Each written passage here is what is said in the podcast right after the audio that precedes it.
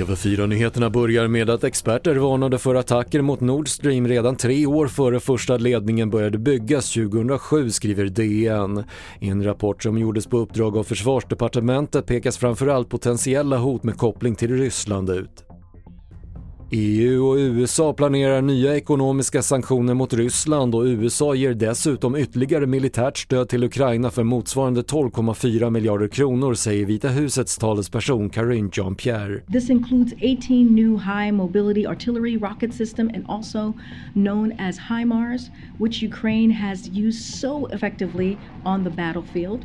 It is also includes hundreds of armored vehicles, radars and counter drone systems.